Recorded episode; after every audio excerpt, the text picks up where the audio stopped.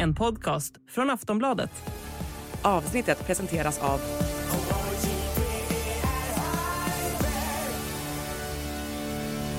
Stödlinjen.se, åldersgräns 18 år. Välkomna till Aftonbladets politikpodd En runda till. Jag heter Olivia Svensson och experterna heter My Råväder och Lena Melin. I det här avsnittet ska vi prata om grundförutsättningen för allt politiskt liv. Att skylla ifrån sig.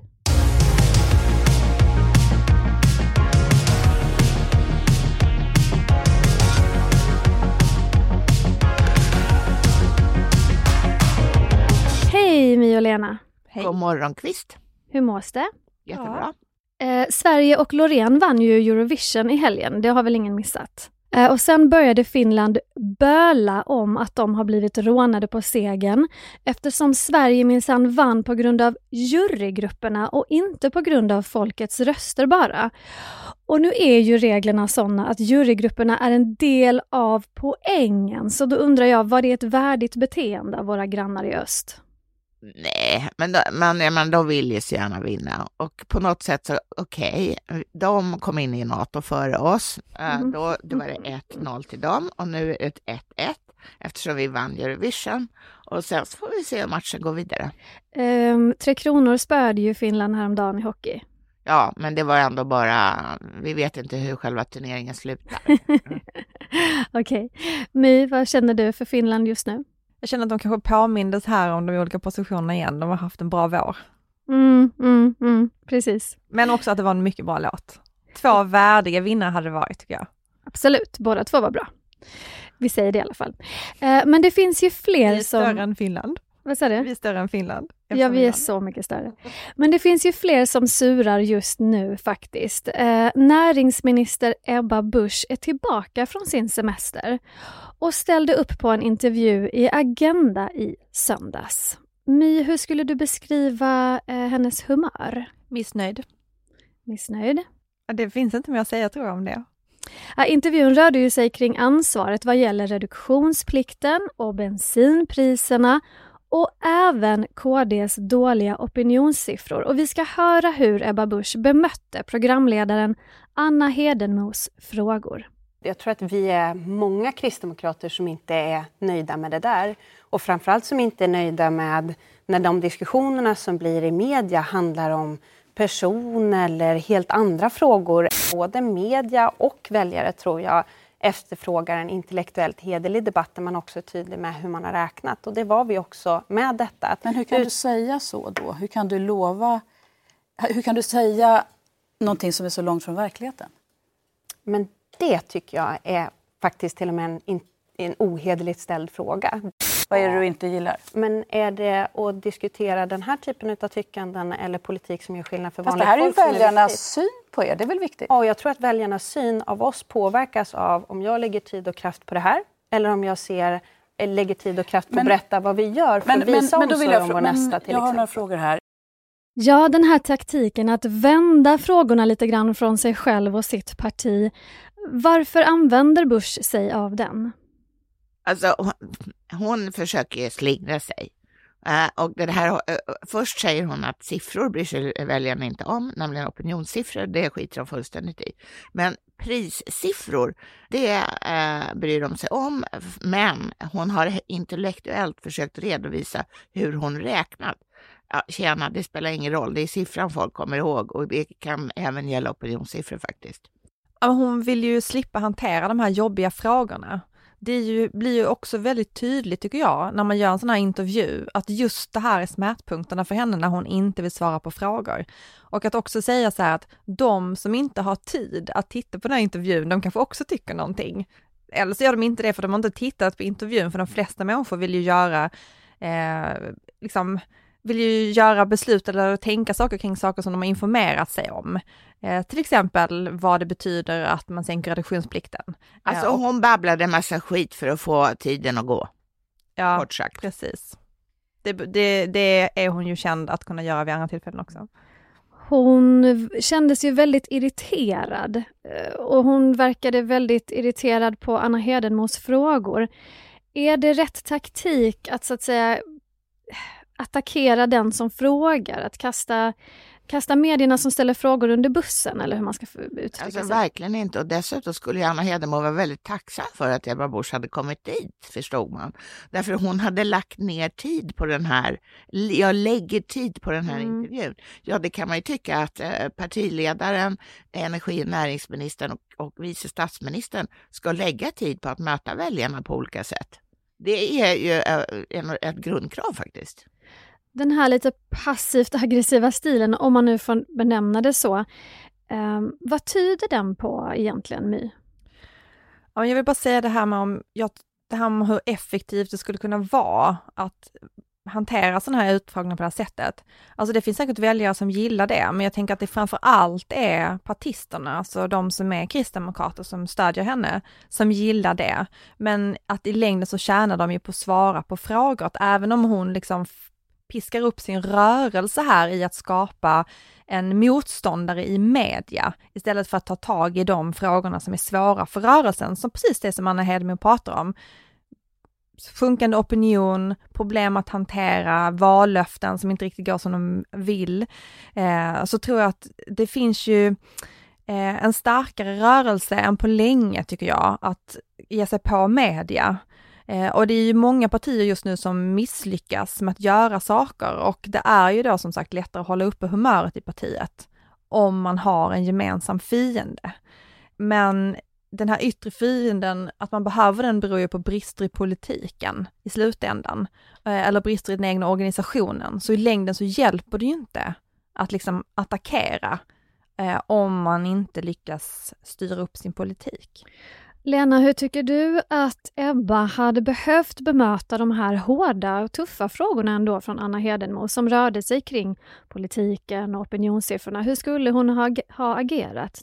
Men jag tror hon mera skulle ha eh, gjort som hon gjorde vid ett par tillfällen, alltså erkänna att saker och ting kanske inte hade gått så bra eller blivit så rätt. Uh, och sen så säga att men nu liksom, mm. nu minsann, eh, nu har vi lämnat det där tråkiga bakom oss och nu går vi framåt. Just det, nu blir det andra bullar. Mm. Men på tal om att skylla på någon annan, intressant eh, debattartikel i DN häromdagen som Sverigedemokraternas presschef Oskar Cavalli Björkman skrev. Och i den så uttryckte han sitt missnöje med hur medierna, alltså vi, bland annat jobbar. Och för att sammanfatta så tycker han då att vi i medierna måste sluta prata om spelet bakom kulisserna. Det som är intressant är resultatet och inte förhandlingarna, skriver Cavalli Björkman och liknar rapporteringen, mediernas rapportering, vid ett referat från en rugbymatch. Alltså måste jag säga att han är väldigt konstig. Gillar han, eller ogillar han referat från rugbymatcher?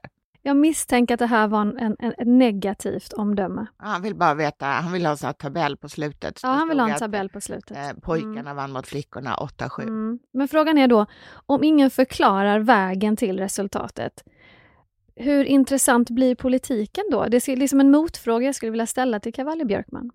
Nej men det är ju som om han vaknade upp och plötsligt såg det politiska landskapet framför sig. Det kan ju bero på att de aldrig varit med och förhandlat saker tidigare. Att de nu inser att det är skitirriterande när media lägger sig i deras processer.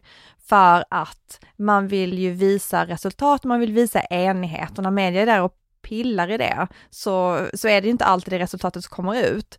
Eh, och han vill ju istället att, polit, eller att journalister ska komma till presskonferenser, rapportera om hur duktiga politikerna har varit, som har tagit fram viss politik, duktig politik. Eh, och jag tänker att när man läser det här så inser man ju att de inte förstår hur journalistik fungerar. Och just, han är inte den enda som tänker så här. Det här har man ju hört från politiker i alla tider, att de har så himla bra politik och vi fattar inte, som granskar den och tar fram de dåliga delarna. Och i det stora hela så beror det ju på att de inte förstår hur journalistiken går till. Att det är liksom de eh, delarna som inte hänger ihop som är det intressanta, eh, inte det andra. Jag fattar orsaken till att han gnäller på medierna. Det är för att det går dåligt för Sverigedemokraterna. De har tappat konstant sedan valet. De ligger under sitt valresultat. Det, de infriar inte sina vallöften. Alldeles nyss så eh, eh, stod det klart att eh, de påstår att eh, dieselpriserna kommer att sjunka med 5,50 vid årsskiftet. Inte med de 10 kronor som Sverigedemokraterna utlovade. Alltså, han måste skylla på någon annan för att hålla humöret uppe på partiet. Om vi ska vara självkritiska då, alltså förklarar vi processer och utspel och presskonferenser på ett sätt som är felaktigt eller dumt eller alltså vad tycker ni själva? Alltså för det mesta inte, men det är kanske bäst att fråga publiken. Mm. För vem ska ställa frågorna om inte vi journalister gör det? är ju en annan aspekt. Nej men Sverigedemokraterna har ju en annan inställning här. De har till och med skapat ett mediebolag för att man i deras politiska sfär inte ska behöva ta sig ur bubblan, eh, utan bara kunna vända sig till deras nyhetskanaler och få liksom partiska nyheter. Så att de har ju en annan inställning till vad nyhetsmedia ska vara.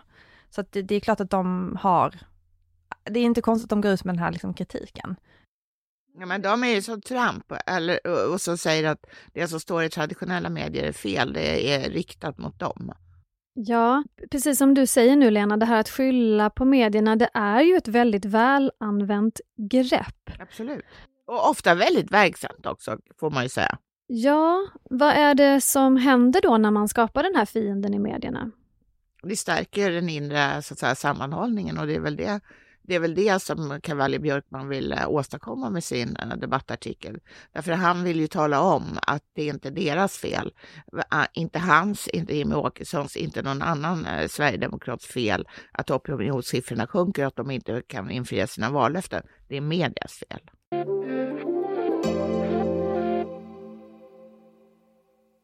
My, jag vet att du sitter och tänker på Vänsterpartiet nu när vi pratar om det här med att skylla ifrån sig.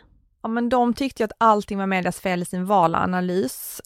De tyckte också att lite var några av deras egna politikers fel. Jag tänker på Jens Holm. Um, men det är ju inte medias fel att de gjorde en helomvändning i klimatfrågan eh, och att många inom partiet var missnöjda med det och att även väljarna var missnöjda med det. Och vad det handlar om är ju att man vill ju inte titta inåt, så istället för att titta inåt och se var har vi kanske inte tagit fram någon bra politik och var har det inte funkat? Så vill man skylla på någon annan. Det kanske är mänskligt, men jag tror som sagt, som jag sa innan, så här, i längden så funkar inte det för att ett parti måste utveckla sin politik och om den är dålig är det bättre att se det och ta tag i det än att bara låta det vara. Det låter väldigt rimligt. Men fram till dess går det bra att skylla på någon annan. Mm. Ja, Miljöpartiet, de brukar ju hävda att vi i medierna inte ens kan deras fråga. Inte på det sättet som så många in, verksamma inom Miljöpartiet gör. Nej, har de det, rätt angående det? Och det är ju inte heller vår uppgift. Vi, vi ska inte vara eh, mikrobiologer, vi är journalister. Jag håller med Lena och att det här med Miljöpartiet, det är ju jättebra att miljöpartister har en jättestor och djup kunskap eh, om eh, klimatfrågorna. Eh, och det är ju deras roll att kunna det, men jag tänker att det är ju inte deras roll att hålla vetenskapliga seminarier, utan som politiker så är det ju istället att omsätta den här forskningen och faktan till politik som gör skillnad i folks vardag och sen få människor att förstå vilken skillnad deras politik gör baserat på fakta i folks vardag. Och där är Miljöpartiet inte särskilt bra. Det vet de ju själva, sen kan de skylla på olika andra varför de inte kommer ut med sin politik. Men problemet är ju att människor inte förstår vad de säger. Så att det handlar ju om, deras jobb är ju att omsätta det här, inte Eller också förstå folk vad de säger och tycker väldigt illa om det. det, kan finnas, det kan finnas lite av allting i den gottepåsen och varför det inte går så bra. Jag tycker själv att vi har en sån viktig uppgift i att till exempel förklara, på tal om det vi pratade om med siffrorna, som var en grej i intervjun med Ebba Busch, Alltså, hur ska man förstå det om ett lag säger att vi jobbar utifrån de här siffrorna, ett annat lag säger att vi jobbar utifrån de här siffrorna. Två helt olika miniräknare, två olika uträkningar och kanske till och med olika räkneexempel. Behöver man inte ha människor då som förklarar det för svenska folket? För annars, vem ska vi annars, vems miniräknare ska vi tro på? Men det finns ju en sak i politiken som är ett otyg och det är ju att målen helgar medlen. Och det är att man tycker att man själv har den bästa idén för hur samhället ska se ut och att ta sig dit är inte så viktigt alltid, hur man gör det. Och det gör ju att man också kan trixa lite med statistik eller siffror och att man blir irriterad när det avslöjas. För att det är då inte siffran som är det viktiga tycker man, utan det är ju att ta sig till det här målet att förändra samhället. Och jag tror att mycket av Ebba Buschs irritation ligger i just det här och i hela det här Tidösamarbetet finns det, dyker det här upp hela tiden. Att varför, varför är vi som små ojobbiga, eller eh, massa jobbiga myggor på Tidösamarbetet, där de ju vill göra det här paradigmskiftet i samhället och att de ska göra ett mycket bättre samhälle och vi bara irriterar dem. Eh, och det är ju liksom det som är, eh, det skapar ju problem tycker jag, i vilken, vilka underlag man tar fram.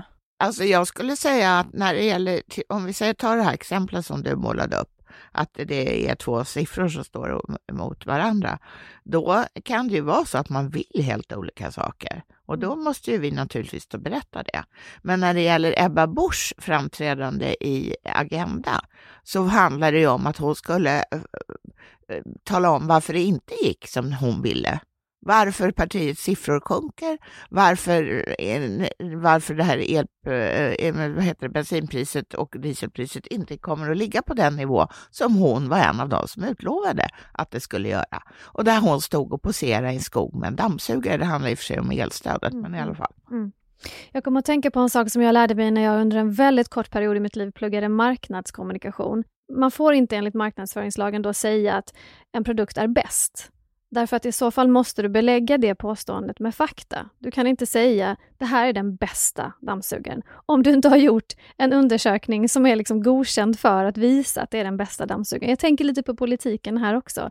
Att eh, man måste liksom kunna man måste kunna ha siffror som visar någonting ändå och kunna, kunna visa varför någonting är bra. Och att det kanske är där politi politikerna inte är så himla duktiga. Fast de är jättebra på att säga att 5,50 är skitbra eh, eh, nivå. En, en sänkning på 5,50 är en skitbra för nivå för att sänka dieselpriset. Det kommer hela svenska folket bli urglada för att denna sänkning kommer äga rum.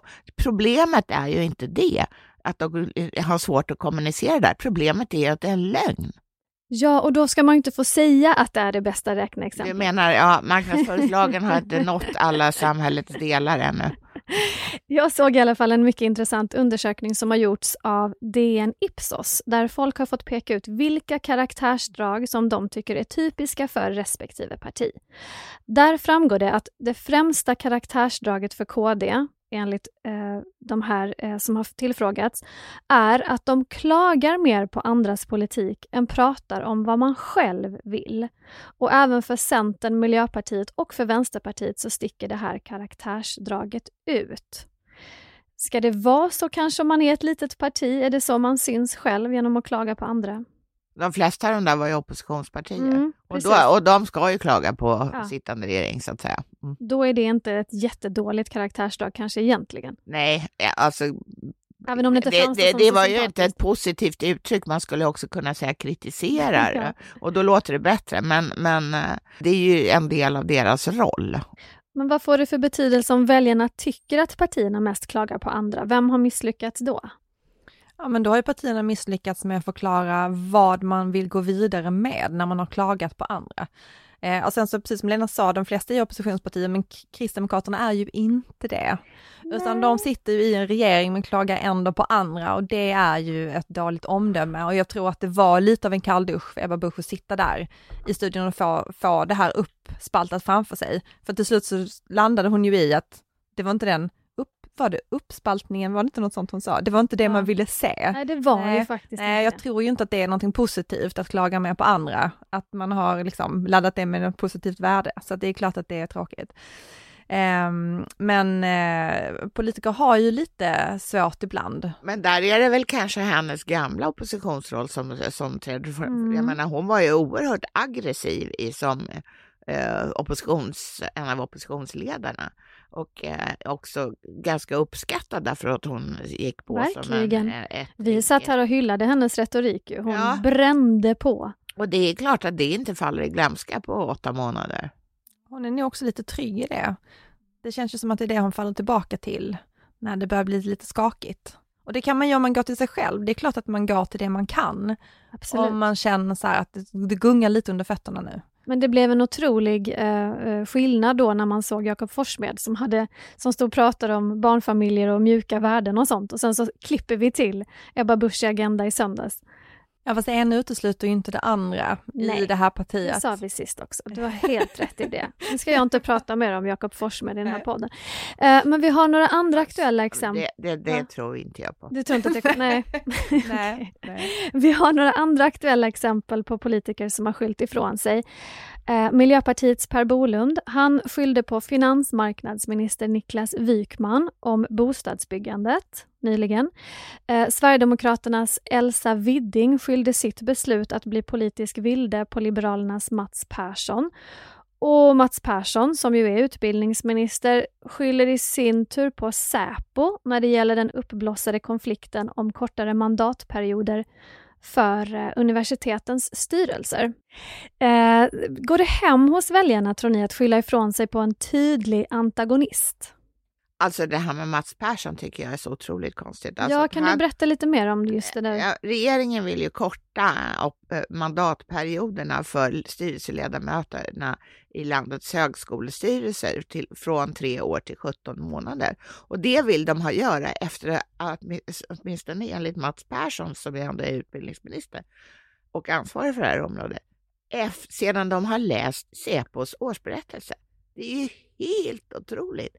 Ha, alltså, det är, det, det är faktiskt så korkat så att jag måste säga att jag tycker det är skämmigt. Är det något av det mest korkade du har hört på länge? Ja, ja, det är det för att äh, äh, alltså om landets ve och väl står på spel, man måste liksom göra om allt det här och för att sen gå tillbaka till ga- efter de här 17 månaderna ska eh, styrelseledamöterna sitta där i 36 månader igen.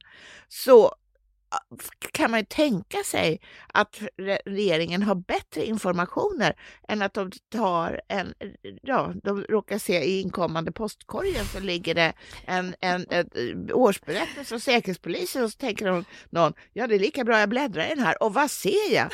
Hemskheter, Iran, Kina. Alltså det här, nej nu måste vi göra något åt universitetsstyrelserna. Det är, det är inte trovärdigt. Men det är ju 14 rektorer som har gått ut och rasat mot eh, det här eh, nu. Va, kommer Mats Persson att kunna hålla sin linje, tror du? Ja, han verkar ju väldigt inställd på att eh, eh landets eh, så att säga, säkerhetspolitiska eh, kunskapsuppbyggnad eh, eh, eh, är central och den kommer att åstadkommas genom att eh, mandatperioden under en, för styrelseledamöterna i landets högskolor eh, under en tid kortas till 17 månader och sen utökas. På vilket sätt det stärker det säkerhetspolitiska kunnandet i landets högskolor har däremot inte framgått ännu. Men ja, han kanske inte har läst färdigt den där årsboken. Man kanske skulle ta sig ett glas vin i helgen och läsa den här årsboken och se vilka vilda idéer man kan komma fram till. Kom inte tillbaka och berätta vad du kom fram till i den här podden. Eh, men för att återgå till det här med att skylla ifrån sig. Vad vore politiken om man inte hade en tydlig antagonist att skylla ifrån sig på? Partierna är varandras bästa konsumentvägledare. Eh. Ja. de, de liksom skrutinerar ju sin motståndare och det tillhör ju eh, det politikens vardag och så, det är ju bra. Ja, det skadar inte att de håller ett öga på oss heller, men eh, det får ju vara liksom saklig kritik, tycker jag. Det är inte jag, det är du. Mm. Sa ingen. Men eh, det finns faktiskt en fråga där ingen skyller på någon för tillfället. Behold Sveriges NATO-process. Eh, med tanke på att vi inte är medlemmar ännu, hade man inte kunnat tänka sig fler beskyllningar hit och dit, Lena? Jo, verkligen. Den, alltså oppositionen, det vill säga Magdalena Andersson, skulle kunna säga att hon, hon skötte det här med all glans. Men sen så när Ulf Kristersson tog över så föll allting ner i någon slags eh, gyttjebad, skulle hon kunna säga. Och Ulf Kristersson skulle kunna säga att om Magdalena Andersson hade skött början av den här processen på ett bättre sätt, då hade det inte varit så besvärligt nu. Men det gör de inte. Och det, det, Varför gör de inte det? de vill inte bråka om en så, sån här sak därför att det är liksom lite för, en för viktig fråga. Det handlar för mycket om vår säkerhet som land. Ja, och båda har säkert begått misstag så det, det, man vill ju heller inte öppna flanken. Så att säga, Nej, för men om vi vänder på det och säger att det handlar om säkerheten för vårt land, alltså vårt yttersta försvar. Är det inte då ännu viktigare att, att bråka om det? Men eh, vår säkerhetspolitik har ju ändå, det är inte jättemånga traditioner som fullföljs i svensk politik, men en av dem har, äh, verkar fortfarande leva och det är det här att inte bråka om säkerhetspolitiken.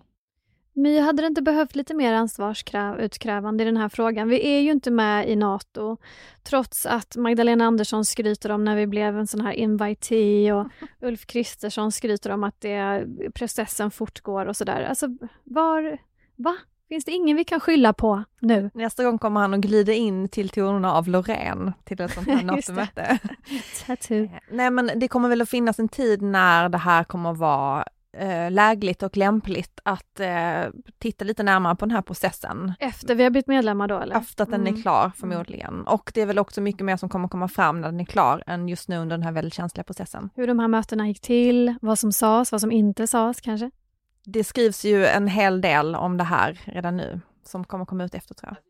Nej, men det som man som kanske man i efterhand kommer att diskutera är ju om den här, det här eh, avtalet som skrevs mellan Sverige, Finland och Turkiet eh, i, i, under sommaren förra året, om det var så välbetänkt att skriva det här avtalet. Därför att då finns det ju någonting som vi tycker att jaha, nu har Sverige prickat av allting som står i det här avtalet, medan det, medan Turkiet anser att det är massa grejer som också ingår, fast det står inte det där. Eh, så att, eh, ja, jag tror att det kommer i efterhand diskuteras om det var så välbetänkt att skriva det här avtalet.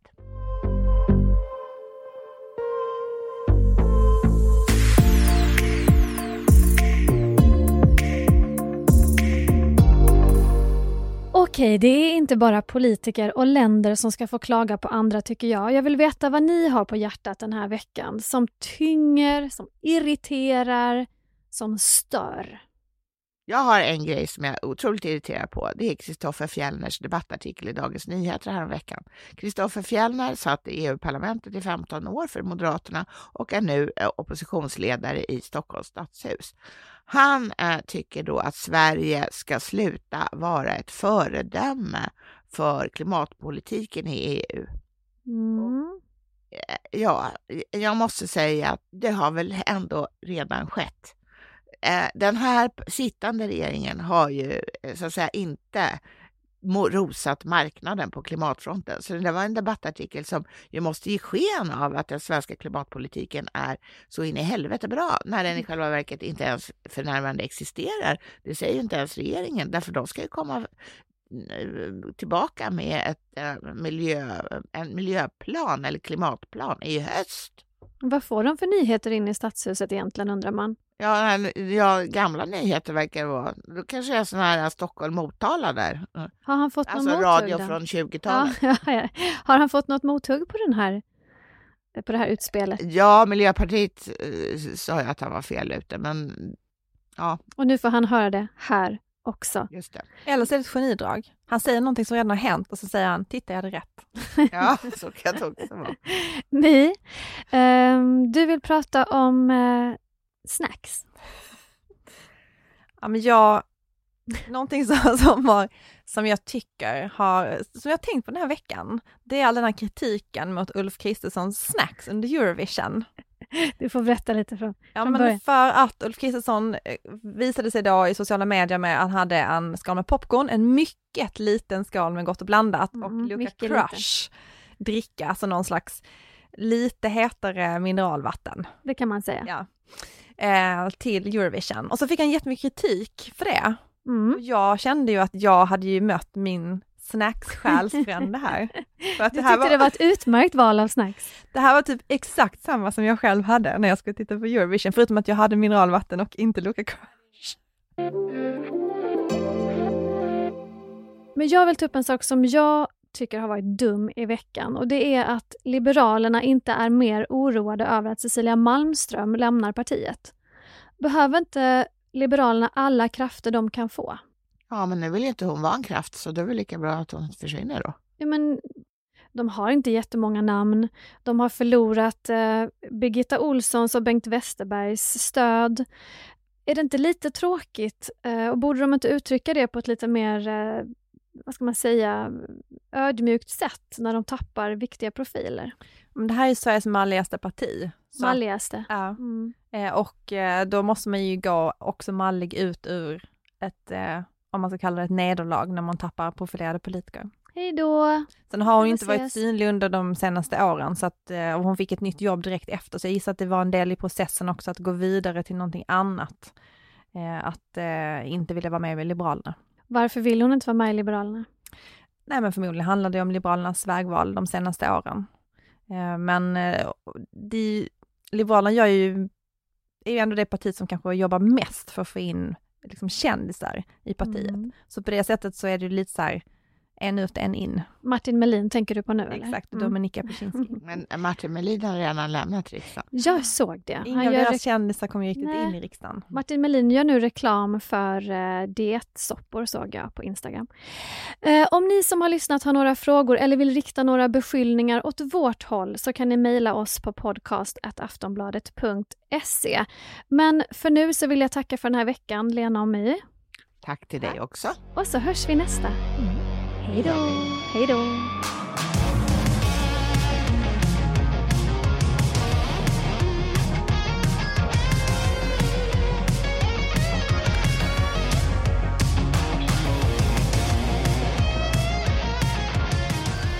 Du har lyssnat på en podcast från Aftonbladet. Ansvarig utgivare är Lena K Samuelsson.